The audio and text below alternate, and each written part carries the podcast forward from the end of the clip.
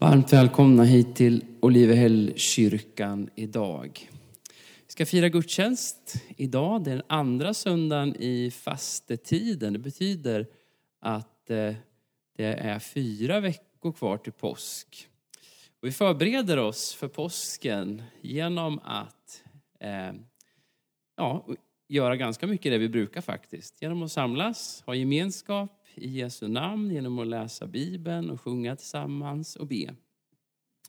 Men vi tar oss an lite ämnen så där under den här tiden som kan kännas lite kargare och lite tuffare.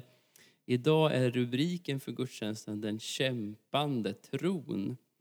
Och vi ska få möta några personer som kämpar med Gud. Vi ska få möta en kananeisk kvinna som träffar Jesus och vi ska få möta Jakob Vi ska också få välkomna en ny medlem till församlingen. Och det är jag jätteglad för och vi är jätteglada för. Och medan jag ändå har nämnt det så kan jag nämna att för oss som är medlemmar och för den som är intresserad så har vi årsmöte i församlingen nästa lördag klockan två. Och vill man läsa om vad vi ska prata om då, då finns det årsmöteshandlingar som man kan hämta digitalt på vår hemsida. Eller om man vill ha en papperskopia till sig själv eller någon annan som man vet vill ha det. Så är det bara att säga till mig så eh, kan jag skriva ut det. Så passa på att göra det idag ifall du vill läsa in det lite. Men nu är vi här och nu är det nu. Och eh, som inledning till den här gudstjänsten så vill jag inbjuda dig att be en av Bibelns böner ifrån Saltaren tillsammans med mig. Saltaren 130. Jag tror att den kommer upp på skärmen här, den är redan där. Låt oss göra det till vår bön, vår mötesplats med Gud för den här morgonen och en bön för vår gudstjänst och vår värld. Låt oss be. Ur djupen ropar jag till dig, Herre. Herre, hör mitt rop. Lyssna när jag bönfaller dig. Om du la synder på minnet, Herre, vem kunde då bestå? Men hos dig finns förlåtelse och därför fruktar man dig. Jag väntar på Herren, jag längtar, jag hoppas få höra hans ord. Jag längtar efter Herren mer än väktarna efter morgonen, än väktarna efter morgonen. Hoppas på Herren Israel, ty hos Herren finns nåd och makten att befria. Han ska befria Israel från alla synder. Ja, vår himmelske far, vi tackar dig för att det är söndag igen, för att vi får samlas tillsammans som din familj, dina vänner, för att fira att du lever att du finns, att du är här med oss redan innan vi har gjort eller sagt någonting. Och jag ber Herre för den här gudstjänsten och jag tackar dig för att vi får lita på att du hör oss när vi ropar, när vi bönfaller. Och du ser vars och ens av våra rop den här dagen, där vi väntar på i våra liv, där vi längtar efter ska bli annorlunda, där vi längtar efter att förstå, där vi längtar efter att förmå. Där vi hoppas på ska bli en soluppgång i våra liv. Och jag ber Herre att du den här stunden ska få ge oss någonting, ett ord, en tanke, en uppmuntran i vår väntan. Jag ber det för oss var och en och för oss tillsammans som församling. Jag ber så och vi samlas i Faderns och Sonens och den heliga Andens namn. Amen.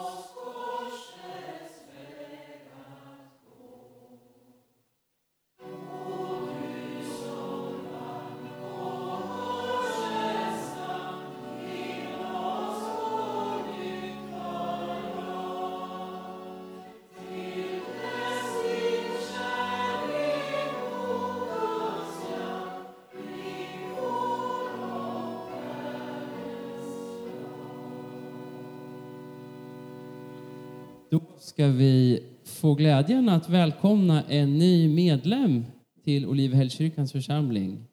Eva-Lena Helmersson, men Evis är det jag tror de flesta av oss kallat dig och kommer nog kalla dig, så vi säger Evis nu.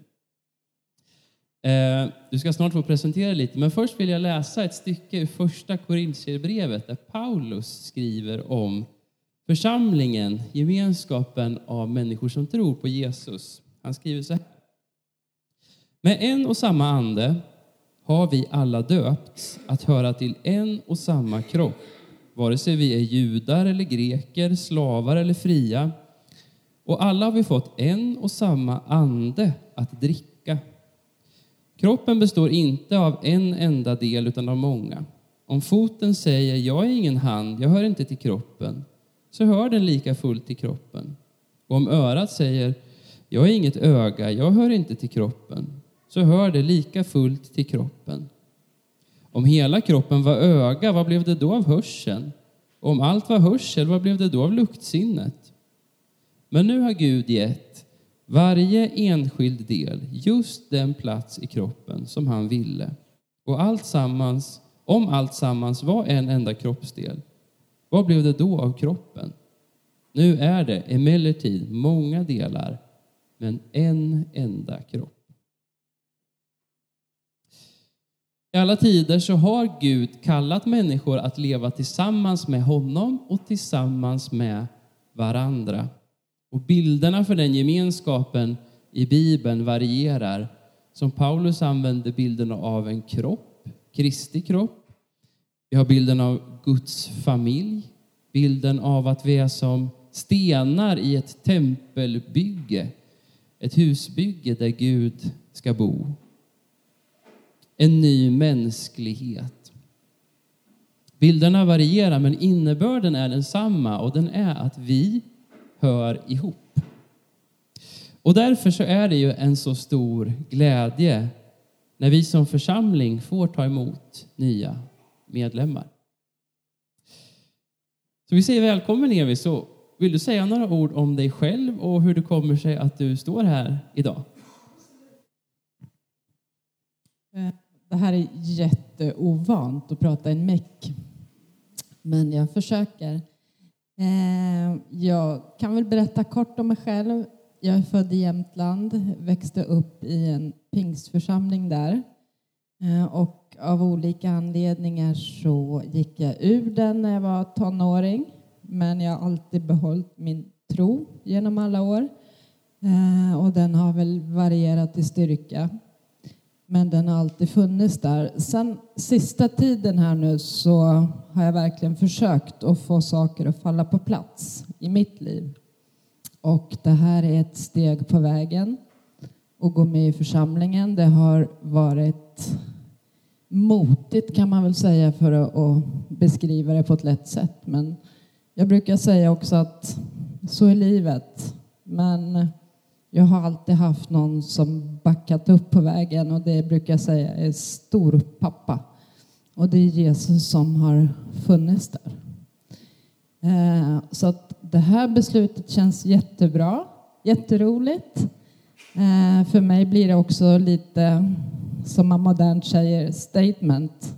Att faktiskt tala om att jag är medlem i Olivhällskyrkan och vad det innebär i lilla Strängnäs. Så.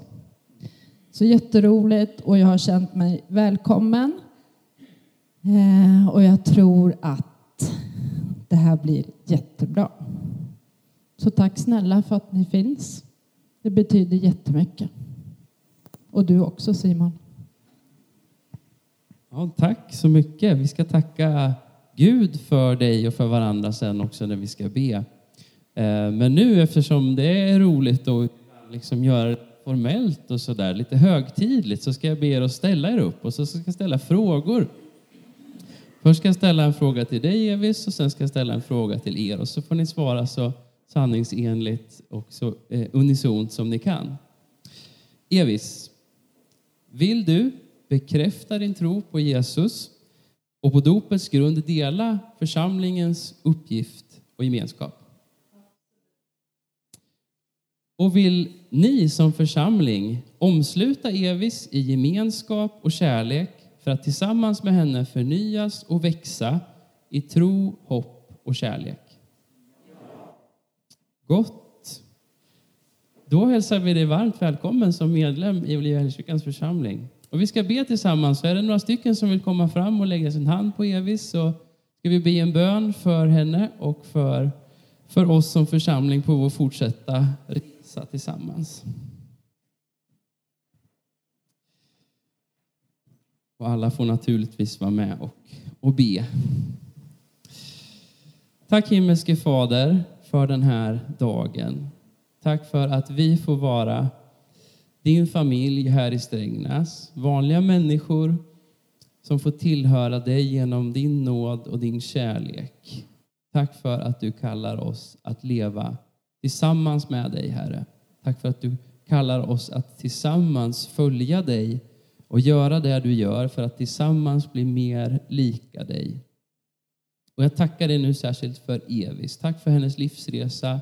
Tack för att du har varit en stor pappa med henne längs vägen. Och tack för att du fortsätter vandra med henne här i församlingen som en del av vår gemenskap. Välsigna oss tillsammans eh, när vi går och är din församling i vittnesbörd, i tjänst för andra och i vår inbördes gemenskap. Jag ber Herre att vi tillsammans ska få se hur du kallar människor till dig, hur du lyfter människor, hur du upprättar människor och ger människor ett nytt liv som präglas av din kärlek och din nåd. Herre, välsigna nu Evis i det och beskydda henne. Låt ditt ansikte lysa mot henne och visa henne nåd. Och vänd ditt ansikte till henne och ge henne din frid och fred. I Faderns och Sonens och den heliga Andens namn. Amen.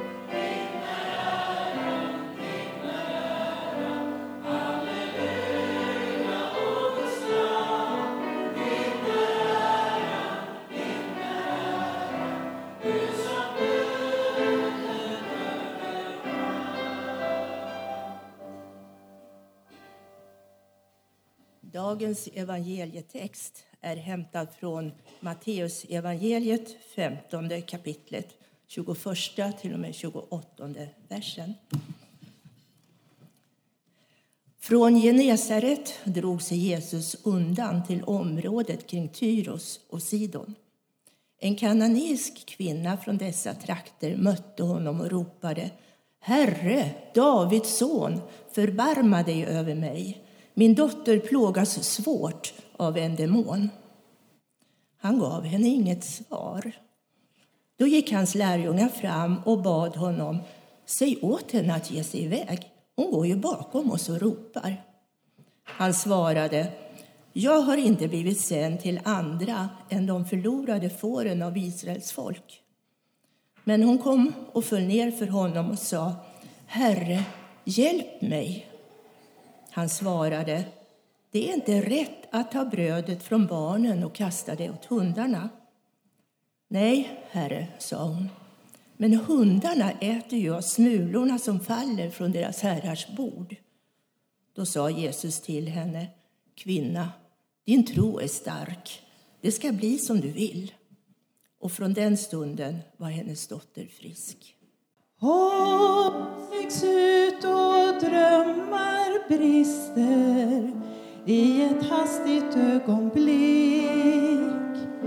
Men som en gång var ger vika och vi mister allt vi fick. Men för alla de som kämpar med ett liv som dras isär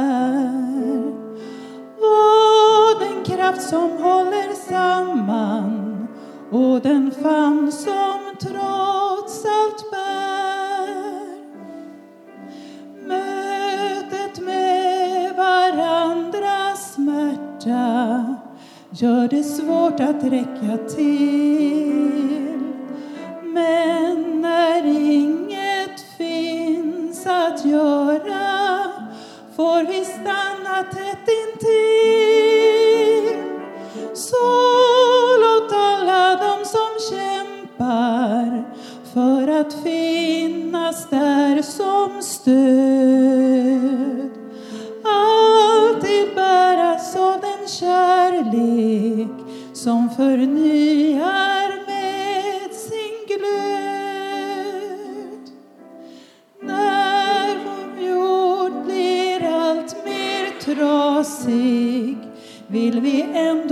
Våga tro att förändring kan få fäste. Låta hoppfullhet få gro. Ge åt alla de som kämpar för en värld där livet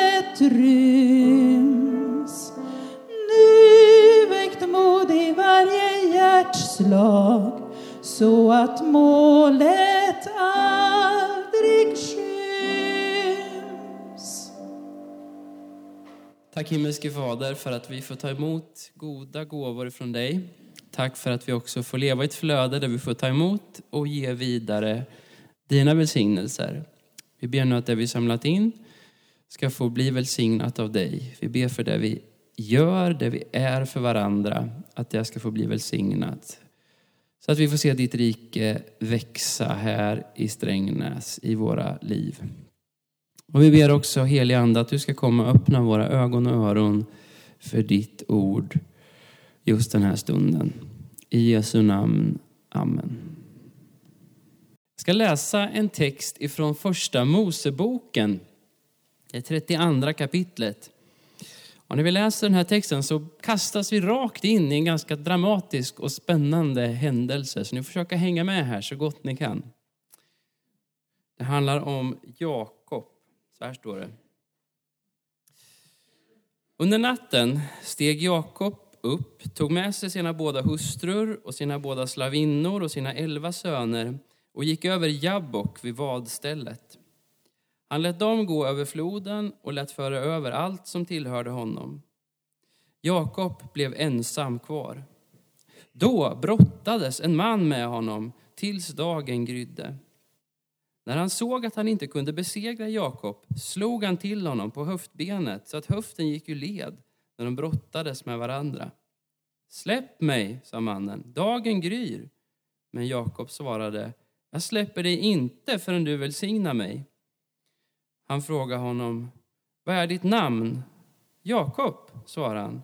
Då sa han, ditt namn ska inte längre vara Jakob, utan Israel, till du har kämpat med Gud och människor och segrat. Jakob bad honom, låt mig få veta ditt namn. Han svarade, varför frågar du mig om mitt namn? Och han välsignade honom där. Jakob kallade platsen Penuel, ty, sa han, jag såg Gud ansikte mot ansikte och ändå skonades mitt liv. När han lämnade Penuel såg han solen gå upp och han haltade på grund av sin skadade höft.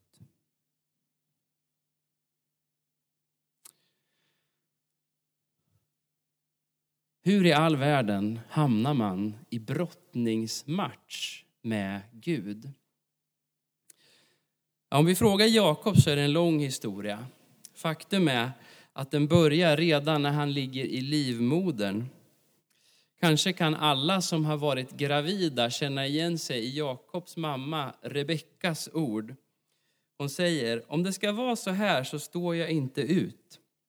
Det var nämligen så att de här sparkarna inne i magen som från början är så gulliga och fascinerande för blivande föräldrar, de hade utvecklats till ett prenatalt krig inne i Rebeckas mage mellan Jakob och hans bror Esau. Så en dag tog Rebecka och knäppte händerna över sin stora mage och bad Gud om hjälp med detta ständiga sparkande. Hon fick kanske inte hjälp, men hon fick i alla fall en förklaring. Gud säger så här till Rebecka. Två folk finns i ditt sköte, två stammar skilda åt från moderlivet. Det ena folket blir starkare än det andra. Den äldre ska tjäna den yngre. När pojkarna sen ska födas så är det Esau som kommer ut först och blir därmed storebror. Men bokstavligt hack i häl kommer Jakob. Han föds och då håller han sin brors fot i ett fast grepp.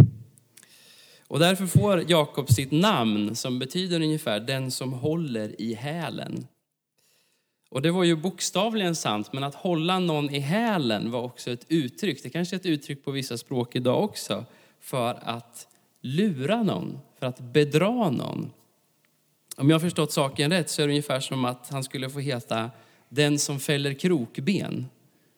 Den som liksom, ja, på något sätt försöker eh, lura någon, göra ner någon annan.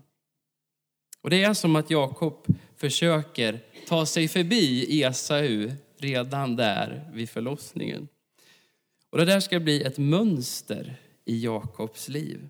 Han skyr nästan inga medel för att få tag på det som han vill ha. Bland det första han gör är att blåsa Esau på Esaus förstfödslorätt. I många kulturer så är det så att det äldsta barnet eller den äldsta sonen har vissa särskilda privilegier och vissa förväntningar på att ärva och leda och ta ansvar för släkten. I Sverige har vi faktiskt det inskrivet i vår grundlag, eller hur? Successionsordningen som det kallas, där det står i lagen att kungens eller drottningens äldsta barn ska ta över tronen eh, när monarken dör. Så där var det i Jakobs familj också. Och en dag när Esau, som alltså var den äldre brodern och hade liksom successionsordningens rätt, kom hem från en jakt som inte hade gått så bra och var utsvulten, då såg Jakob sin chans. Esau ville nämligen smaka på en linsgryta som stod och puttrade inbjudande som Jakob satt och rörde i. Och så säger han att han vill ha av den där röda goda grytan. Okej, okay, säger Jakob. Men då måste du ge mig din förstfödslorätt. Då måste jag vara den som får det äldsta syskonets rätt. Och Esau han är så hungrig så att han känner att han väljer mellan förstfödslorätten och, och livet. Så han lovar faktiskt bort den till Jakob för att få ett mål mat.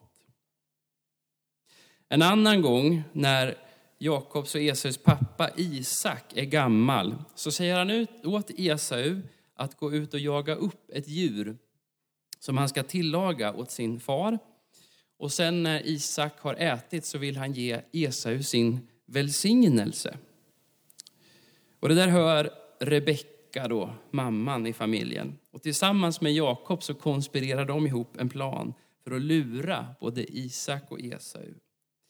Hon tar ett djur från familjens boskap och lagar till. Och så går Jakob in med maten till sin blinda gamla far Isak och lurar till sig välsignelsen på det sättet.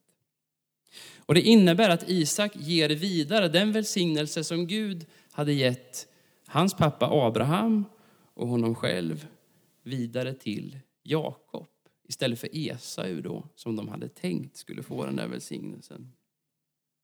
Och Isak kan bli bedrövad och Esau blir rasande när de får reda på och inser vad som har hänt. Och då måste Jakob och Rebecka konspirera ihop en ny plan för att Jakob ska kunna fly landet. Ja, så där börjar Jakobs livsberättelse. Och vad handlar allt det här om egentligen? Ja, det handlar om välsignelse. Det där är ett ord som vi slänger oss med i kyrkan, som även finns i, utanför kyrkans väggar. Man kan känna sig välsignad eller att något är en välsignelse. Men vad betyder det där egentligen? Vi får en ledtråd om vi tittar på Bibelns skapelseberättelse på den allra första sidan i Bibeln. De första som blir välsignade överhuvudtaget i världshistorien är fåglarna och djuren som lever i vattnet. Det står att Gud välsignade dem och sa var fruktsamma och föröka er och uppfyll sjöar och hav. Och på jorden ska fåglarna föröka sig. Näst på tur att bli välsignade är människorna. Det står att Gud välsignade dem och sa till dem, var fruktsamma och föröka er. Uppfyll jorden och lägg den under er. Och dessutom till människorna, härska över havets fiskar och himlens fåglar, över alla djur som myllrar på jorden. Lade ni märke till vad välsignelse verkar vara förknippat med? Det var ju med liv. Liv som förmeras och flödar över. Djuren och människorna får välsignelsen att göra något som Gud gör, det vill säga liv. Genom att de får förutsättningarna för att fortplanta sig, föröka sig, att uppfylla jorden och havet och himlen. Och för att man ska kunna föröka sig och fortplanta sig så krävs ju vissa saker. Det krävs ju biologiska förutsättningar för att det ska kunna bli så. Men det behövs ju också andra saker. För att liv ska kunna växa, för att liv ska kunna flöda över så behövs ju eh, kärlek, det behövs gemenskap, det behövs goda relationer.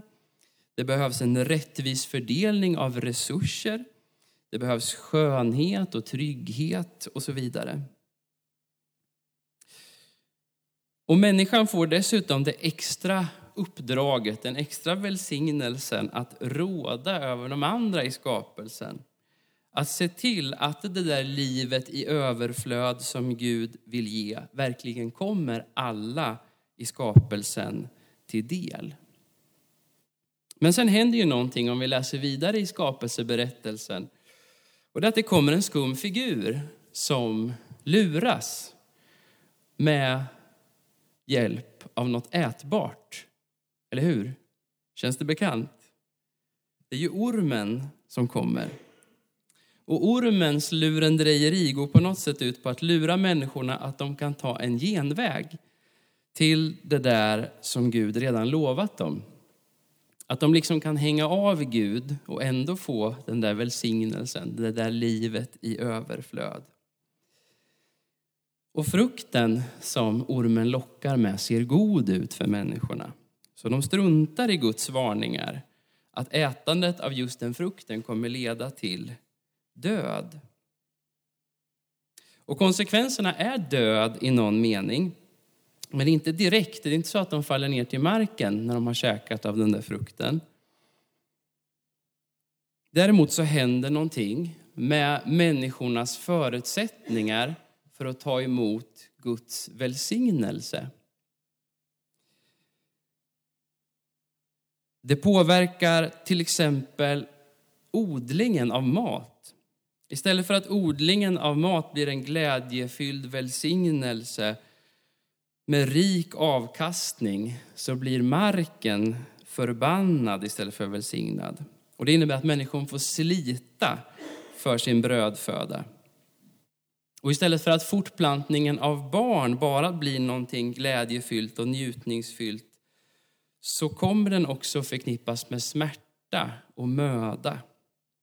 Och relationerna i vilka barn blir till kommer att bli ojämställda. Men Gud vill fortsätta välsigna. Och därför så väljer han Abrahams familj att bli bärare av Guds välsignelse. Gud säger så här till Abraham, jag ska göra dig till ett stort folk. Jag ska välsigna dig och göra ditt namn stort och du ska bli en välsignelse. Jag ska välsigna dem som välsignar dig och förbanna den som förbannar dig. I dig ska alla släkten bli välsignade. I Abrahams familj och bland de människor de lever tillsammans med så ser vi att Gud ger i överflöd. De hittar vatten, de får stora jordar med djur, det växer så det knakar när de odlar i marken. De knyter vänskapsband med människor runt omkring dem. Och Det handlar just om att alla släkten ska bli välsignade. Att det här livet i överflöd som Gud vill ge ska komma alla till del. Inte för att Abraham och hans familj bara ska bli rika och sätta sig i ett hörn med all sin välsignelse, utan att det ska bli en välsignelse som växer och sprider sig och nästan liksom smittar till de människorna som de möter. Och Abraham han blir pappa till Isak och Isak blir pappa till Jakob. Så Gud ville också välsigna Jakob. Minns ni vad Gud sa till Rebecka? Den äldre ska tjäna den yngre.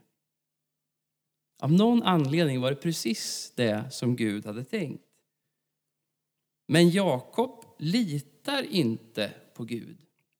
Utan han för ett liv av brottningskamper för att vinna precis den välsignelse som Gud ville ge honom, men på sitt eget sätt.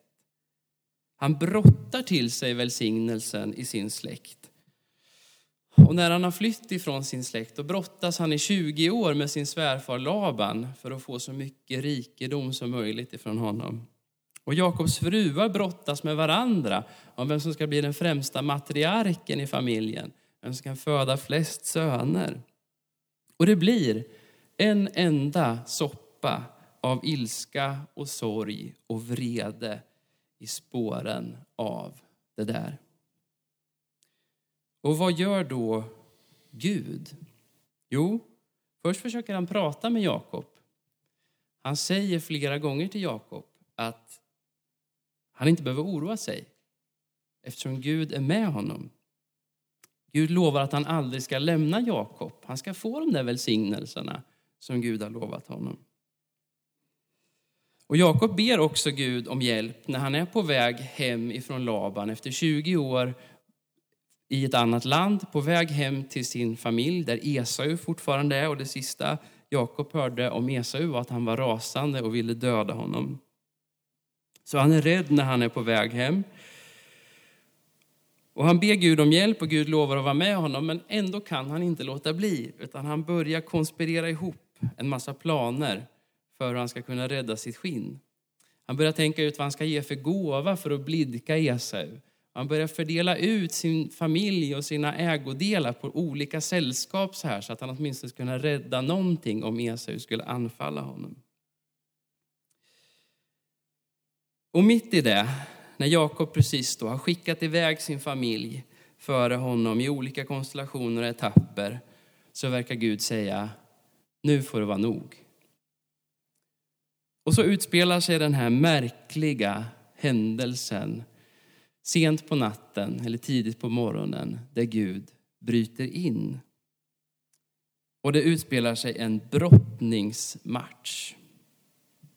Men det är egentligen inte en brottningsmatch som börjar den där sena natten, utan det är bara finalen. Jakob har hela tiden brottats mot Gud för att få det Gud vill ge honom, fast på sitt eget sätt, på sina egna villkor.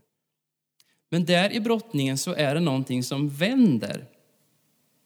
Till slut brottas inte Jakob för att besegra den här okände, utan han brottas för att få den välsignelse som man kanske först då fullt ut förstår att han inte kan ge sig själv. Han börjar på något sätt att brottas med Gud istället för mot Gud. Och Det är en väldigt förtätad händelse och dialog. Det är, en, det är svårt att förstå vad som händer där egentligen, men Gud ger honom välsignelsen. Och samtidigt får Jakob en smäll som är så hård att höften går ur led. En smäll rakt i det som var centrum för Jakobs förmåga att välsigna sig själv, att fortplanta sig, rakt i skrevet. Och han får lära sig en tuff läxa med kontentan att han fortsättningsvis måste lita på Guds plan, på Guds sätt att ge välsignelse och på Guds förmåga att välsigna. Så hamnade Jakob i brottningskamp med Gud. Men jag tror att vi också skulle kunna ställa frågan till oss själva. Hur hamnar man i brottningskamp med Gud?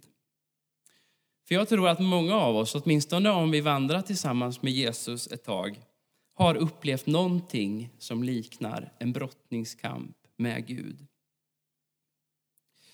Ibland en brottning med oss själva. En brottning med frågan om det här med Gud verkligen är för oss. Är det verkligen för mig? Är jag verkligen innesluten i Guds kärlek och nåd? Är jag verkligen innesluten i Guds välsignelse? Ibland en brottning med Gud, tanken på Gud. Existerar ens Gud när så många runt omkring oss inte tror det och livet verkar rulla vidare så bra ändå. Ibland en brottning likt Jakobs brottning mellan om Gud ska följa min plan, välsigna det jag har tänkt, eller om jag ska följa Guds plan och ta emot den välsignelse han vill ge mig. Och ibland en brottning med det vi lärt oss eller trott oss veta om Gud när livet och nya erfarenheter verkar peka på något annat än det vi först trodde. Det finns säkert fler brottningar än så. Och de där brottningsmatcherna kan vara hemskt tuffa att gå igenom. För de sätter så mycket på spel. Vår uppfattning om oss själva, vår uppfattning om världen, kanske våra livsval, om de har varit rätt eller fel. Kanske våra sociala sammanhang sätts på spel när vi hamnar i de där brottningskamperna. Det är stora, tunga saker. Och därför finns det så mycket sorg och ilska och rädsla i brottningen med Gud. Ibland kan det vara saker som vi har tryckt undan i åratal som plötsligt kommer fram i ljuset för en stor titelmatch mellan oss och Gud, som det var för Jakob. Och finns det något vi kan lära oss av berättelsen om Jakob som vi kan ta med oss till våra brottningar så är det kanske att brottningen inte måste vara farlig även om den är väldigt jobbig. Brottningen är inget verkligt hot mot Gud. Att vi brottas med Gud är inte ett bevis på att Gud har lämnat oss eller ens att Gud är långt borta ifrån oss. Tvärtom så kan det vara ett tecken på att Gud griper in, på att Gud säger hallå, nu måste vi faktiskt prata om det där som du har gått runt och burit på i så många år. Nu måste det där faktiskt komma upp i ljuset. Få aktiviteter är ju så intima som brottning. Och så tror jag att det kan vara att brottas med Gud också. Brottningen kan leda till att vi får se Gud och oss själva i ett nytt ljus, att vi får ett nytt namn, en ny förståelse av vilka vi är, en ny förståelse av vem Gud är, som faktiskt kan vara positiv. Och jag tror att det går att brottas med Gud snarare än mot Gud. Och det finns exempel på det i Bibeln. Dels Jakob då, som till slut gör det. Men det finns också en skillnad i brottningsmatcherna i Bibeln som jag kan se det. De är positiva om de snarare än att handla om människornas rätt mot Gud eller över Gud handlar om att hålla Gud ansvarig för den han utgett sig att vara och för det han faktiskt har lovat. Det gör till exempel Abraham när han samtalar med Gud utanför Sodom. Då säger han, hallå Gud, du kan inte förstöra den här staden om det finns en risk att någon oskyldig stryker med. Sån är inte du Gud, du är rättvis. Han håller Gud ansvarig och får rätt i allt han ber Gud om. Så gör också Mose uppe på Sinai berg när Israels folk har byggt och börjat tillbe guldkalven där nere vid bergets fot.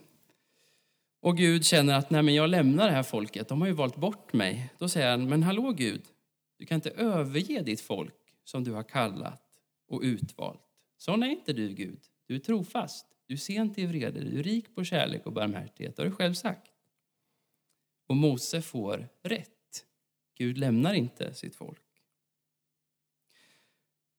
Och så gör också den kananeiska kvinnan som vi läste om tidigare, hon som mötte Jesus. Hon säger, hallå Jesus, sån är inte du. Så funkar inte din välsignelse. Den räcker inte bara åt några, den räcker till alla. Hon har förstått att Jesus ger liv och liv i överflöd och hon får rätt.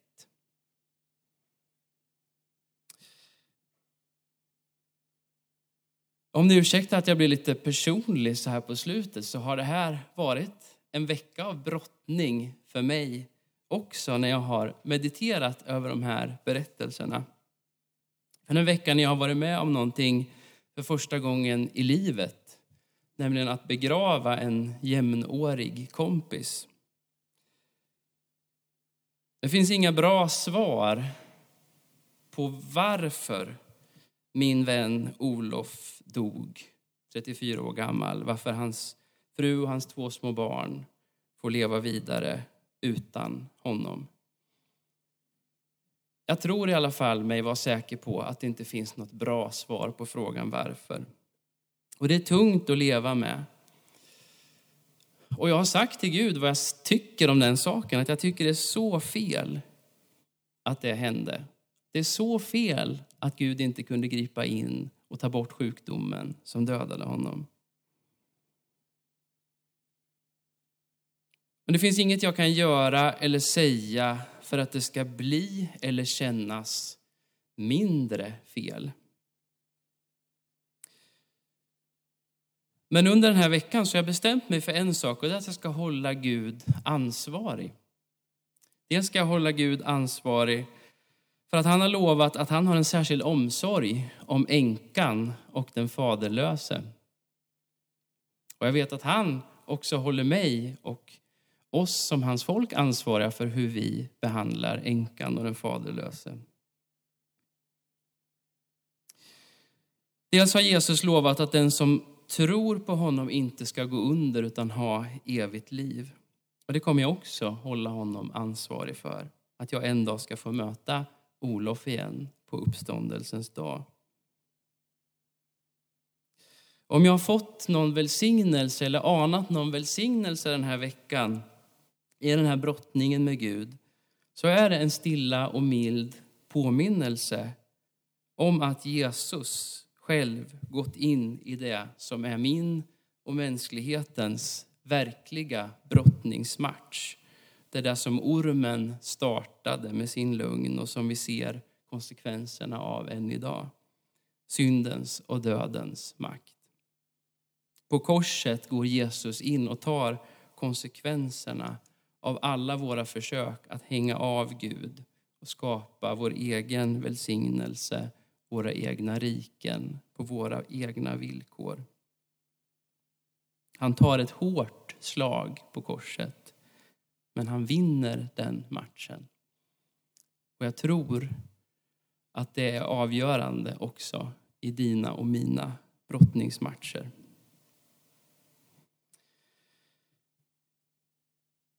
Tack Herre för att vi får komma till dig just nu med det som är våra strider i vår tro, i det som har hänt i våra liv, i det vi önskar hade varit annorlunda. Tack för att vi får komma med det ut i ljuset, att vi inte kan eller behöver gömma oss för dig. Och Herre, när vi lyfter de här sakerna för dig så ber jag att du ska möta oss med din kärlek och din omsorg och visa oss att det finns välsignelse att få. Det finns en framtid, inte minst tack vare det du gjort på korset och med din uppståndelse. Låt oss få leva i uppståndelsens ljus, idag och alla dagar. Jag ber det i Jesu namn. Amen.